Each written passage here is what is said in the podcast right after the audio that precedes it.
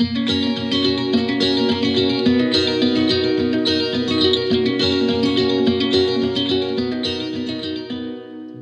til Danske Bankers, podkasten for deg som vil vite hva som rører seg i markedet fra uke til uke.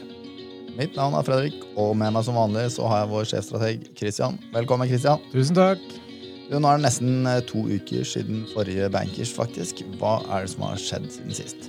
Det mest eh, åpenbare er jo utbruddet av dette koronaviruset, som eh, mediene skriver veldig mye om om dagen og som også har satt, satt en støkk i eh, finansmarkedene. Ellers har vi fått en del nøkkeltall som gjennomgående har vært på den positive siden, egentlig.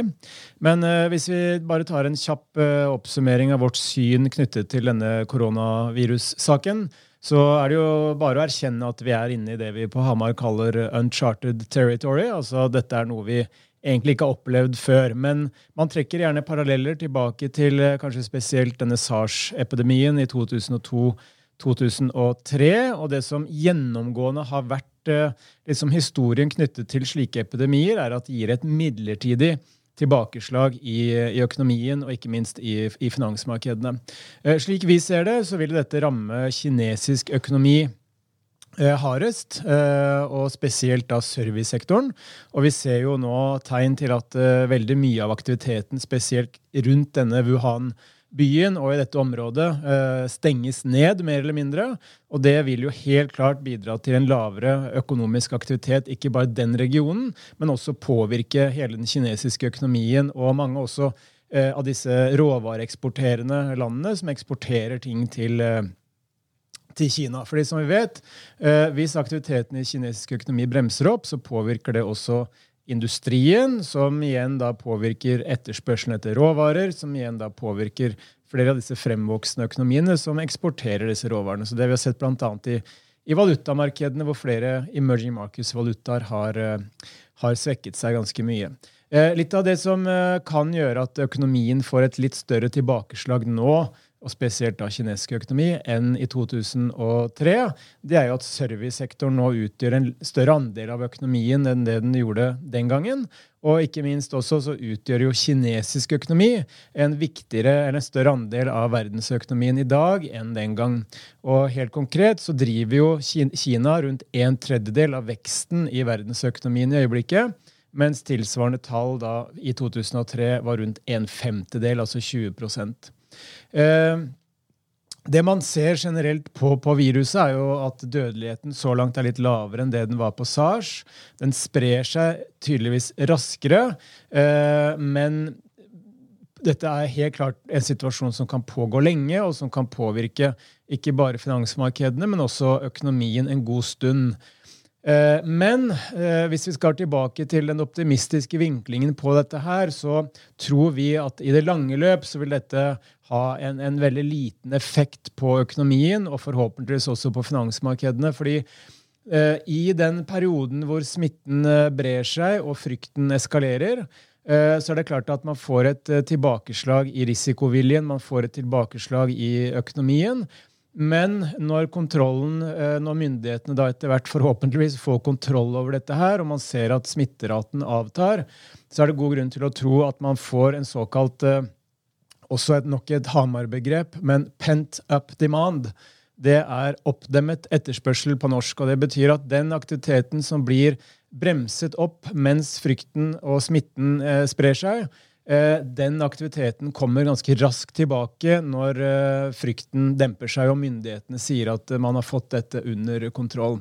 Eh, men når det gjelder aksjemarkedet, så er det ingen tvil om at i motsetning til denne SARS-episoden, hvor aksjemarkedet hadde falt over 20% i forkant av utbruddet, så har jo markedene nå steget over 20% de siste tolv månedene før utbruddet. Og det, sammen med ganske høy prising, spesielt av amerikanske aksjer, gjør jo at markedene egentlig har stått litt laglig til for hugg eh, med tanke på eh, dårlige nyheter og, og, overraskende risikofaktorer som, som dette eh, utbruddet tross alt eh, representerer. Så man skal være ydmyk i forhold til at man ikke vet hva, eh, hvordan dette vil ende, men man håper jo selvsagt og tror at myndighetene jobber iherdig for å både kontrollere, begrense og ikke minst etter hvert finne en, eh, en effektiv behandling av dette her, slik at eh, denne faren etter hvert går litt over. Jeg syns nesten det høres optimistisk ut. Ja, Christian, så det må, det må altså en dystopisk stemning til for at du skal bli optimist?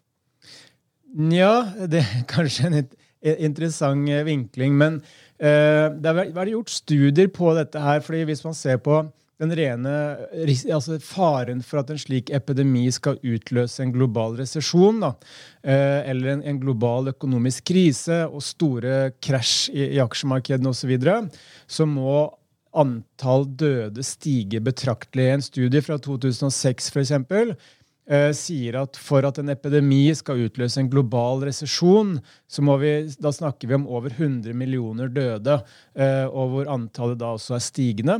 Eh, mens andre, eh, andre eh, studier og beregninger sier at eh, hvis vi får over 10 millioner døde, så vil frykten begynne å bre, begynne å bre seg nok til at aktiviteten i økonomien eh, også bremser ganske markant opp. Men, så vi er jo et stykke unna ennå. Så langt så er det vel snakk om eh, er det 200-300 døde, er det ikke det? Eh, så, så, vi er et godt stykke unna der, selv om eh, ting selvsagt kan eskalere ganske, ganske fort. Det, det, her skal faktisk våre lyttere få veldig mye mer informasjon om. Vi har tenkt å gjøre en spesialsending om dette koronaviruset. Nå får vi jo litt økonomisk bakgrunn fra Christian, og så får vi lære litt mer om hva det her faktisk er i spesialsendingen. Men de har jo stengt ned en by med 11 millioner innbyggere. Så det er, jeg vil si at det er ganske alvorlig. Det er det ingen tvil om. Så min optimisme er ikke relatert til det som skjer. Optimismen er mer fundert på et håp eh, om at dette etter hvert eh, kommer under kontroll, og at det ikke blir en varig skade på, på økonomien.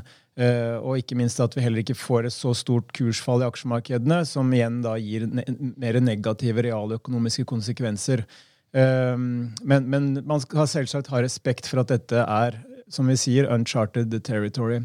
Eh, hvis vi går litt tilbake til økonomien og det fundamentale, så har vi jo eh, i hvert fall jeg vært rundt omkring i landet og snakket om eh, at 2020 må bli selskapsinntjeningens år. Fordi gjennom 2019 så steg jo aksjekursene veldig veldig mye på multiple ekspansjon alene. Dvs. Si at PE-nivået steg fordi at kursene steg uten at selskapsinntjeningen steg i det hele tatt. og, det har bidratt til at aksjene har blitt en del dyrere, og spesielt i USA. og Det betyr at selskapene må levere en OK selskapsinntjening, eller vekst i inntjeningen i 2020. Og Så langt så er tegnene ganske bra, og noe av det man følger mest med på, det er jo teknologisektoren i USA. Og selv om vi ikke har kommet til regnskapstall for første kvartal ennå, så vet vi at rapporteringssesongen for fjerde kvartal er godt i gang. Og noen av de viktigste selskapene å følge med på nå, det er jo de amerikanske teknologiselskapene. Fordi vi vet at teknologisektoren eh, utgjør en ganske, utro, eh, ganske, eh, betydelig andel av markedsverdien, men også av selskapsinntjeningen i SMP 500 Exemplaries. Rundt 25% av selskapsinntjeningen i amerikanske aksjer kommer fra eh, teknologisektoren. Der har vi også en egen spesialsending som ligger i denne feeden, som heter Fanmag, så der kan dere få detaljer rundt akkurat det der. Utrolig hvilken leveranse vi har. samlet sett. Helt sinnssykt. Eh, men Apple, eh, verdens viktigste aksje og verdens eh, største selskap, de kom med tall i går, og de knuste forventningene i fjerde kvartal. Og de leverte både rekordomsetning og rekordinntjening i dette kvartalet. Og den såkalte inntjening per aksje, som investorene og analytikerne følger mye med på, steg med 19% fra fjerde kvartal 2018 til fjerde kvartal 2019. Og omsetningen steg med, med 9% til en omsetning på til sammen eh, håper alle sitter eh, 91,8 milliarder dollar. Det er helt sjukt. Eh, og det som også var positivt, det er at Apple eh, guider ganske positivt i forhold til hva de tror eh, omsetning og inntjening kommer til å bli fremover. Og For første kvartal så signaliserer de en omsetningsvekst på ytterligere 9-15 vekst da fra Q1 2019 til Q1 2020. Det som også bidrar til at Apple er i vinden, det er jo forventningene til at eh, de nye iPhone-modellene som slippes i september, med all sannsynlighet, det vil være selskapets første 5G-telefonmodeller.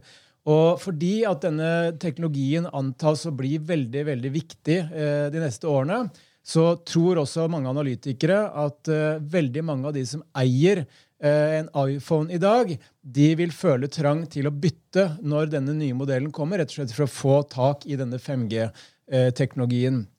Så den vil da eh, sannsynligvis utløse ytterligere en bølge av omsetningsvekst eh, på iPhone isolert sett for, for Apple. Eh, avslutte med noen fun facts rundt Apple, fordi dette er ganske fantastiske tall. Eh, markedsverdien av eh, Apple ligger nå på rundt 1400 milliarder dollar. Og aksjekursen har steget 111% bare de siste tolv månedene. Og den størrelsen på Apple er nå større enn hele den tyske DAX-indeksen, dvs. Si de 30 største selskapene i Tyskland. Og markedsverdien av Apple alene er også større enn hele det australske aksjemarkedet.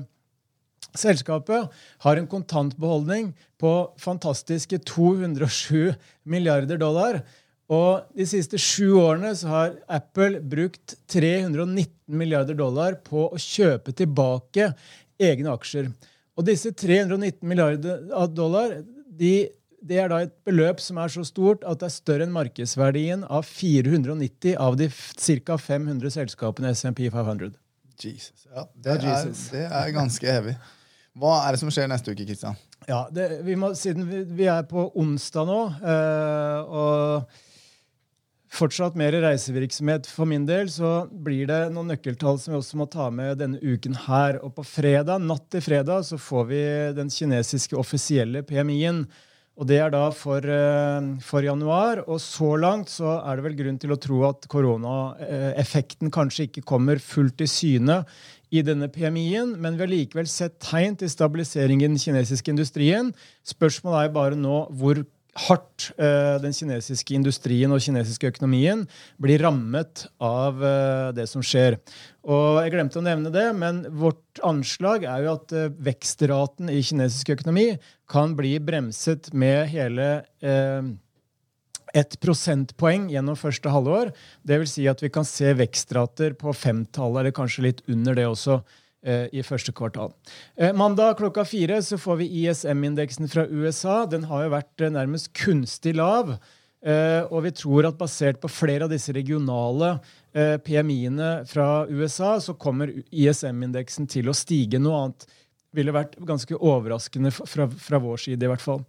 Og neste fredag så får vi den amerikanske arbeidsmarkedsrapporten. Nok en gang månedens viktigste nøkkeltall. I hovedsak fordi at uh, amerikanske forbrukere er verdens viktigste forbrukere. Ut, privat forbruk i USA utgjør rundt uh, eh, 16 av verdensøkonomien. Og vi forventer egentlig at uh, jobbveksten fortsetter å underbygge en fortsatt veldig lav arbeidsledighetsrate i USA. Per øyeblikket på laveste nivå siden 69. Og vi tror at den kan falle ytterligere til laveste nivå siden Koreakrigen. Takk skal du ha, Kristian. Eh, bare en liten plugg på slutten. Hvis du syns de sakene som Kristian snakker om, er interessant, og du vil se mer av det, eller høre mer av det, og, um, og du er på Twitter, så kan du følge Kristian der på Twitter-handle LieCHR. At Lie CHR. Jeg skal oppsummere de viktigste sakene for neste uke, men før det så skal jeg ta markedsbevegelse de siste fem dager. Og jeg vil også bare minne alle våre lyttere på at det kommer til å komme en spesialsending om koronaviruset. Så for de som er interessert i pandemier, så må dere definitivt ta og lytte på den.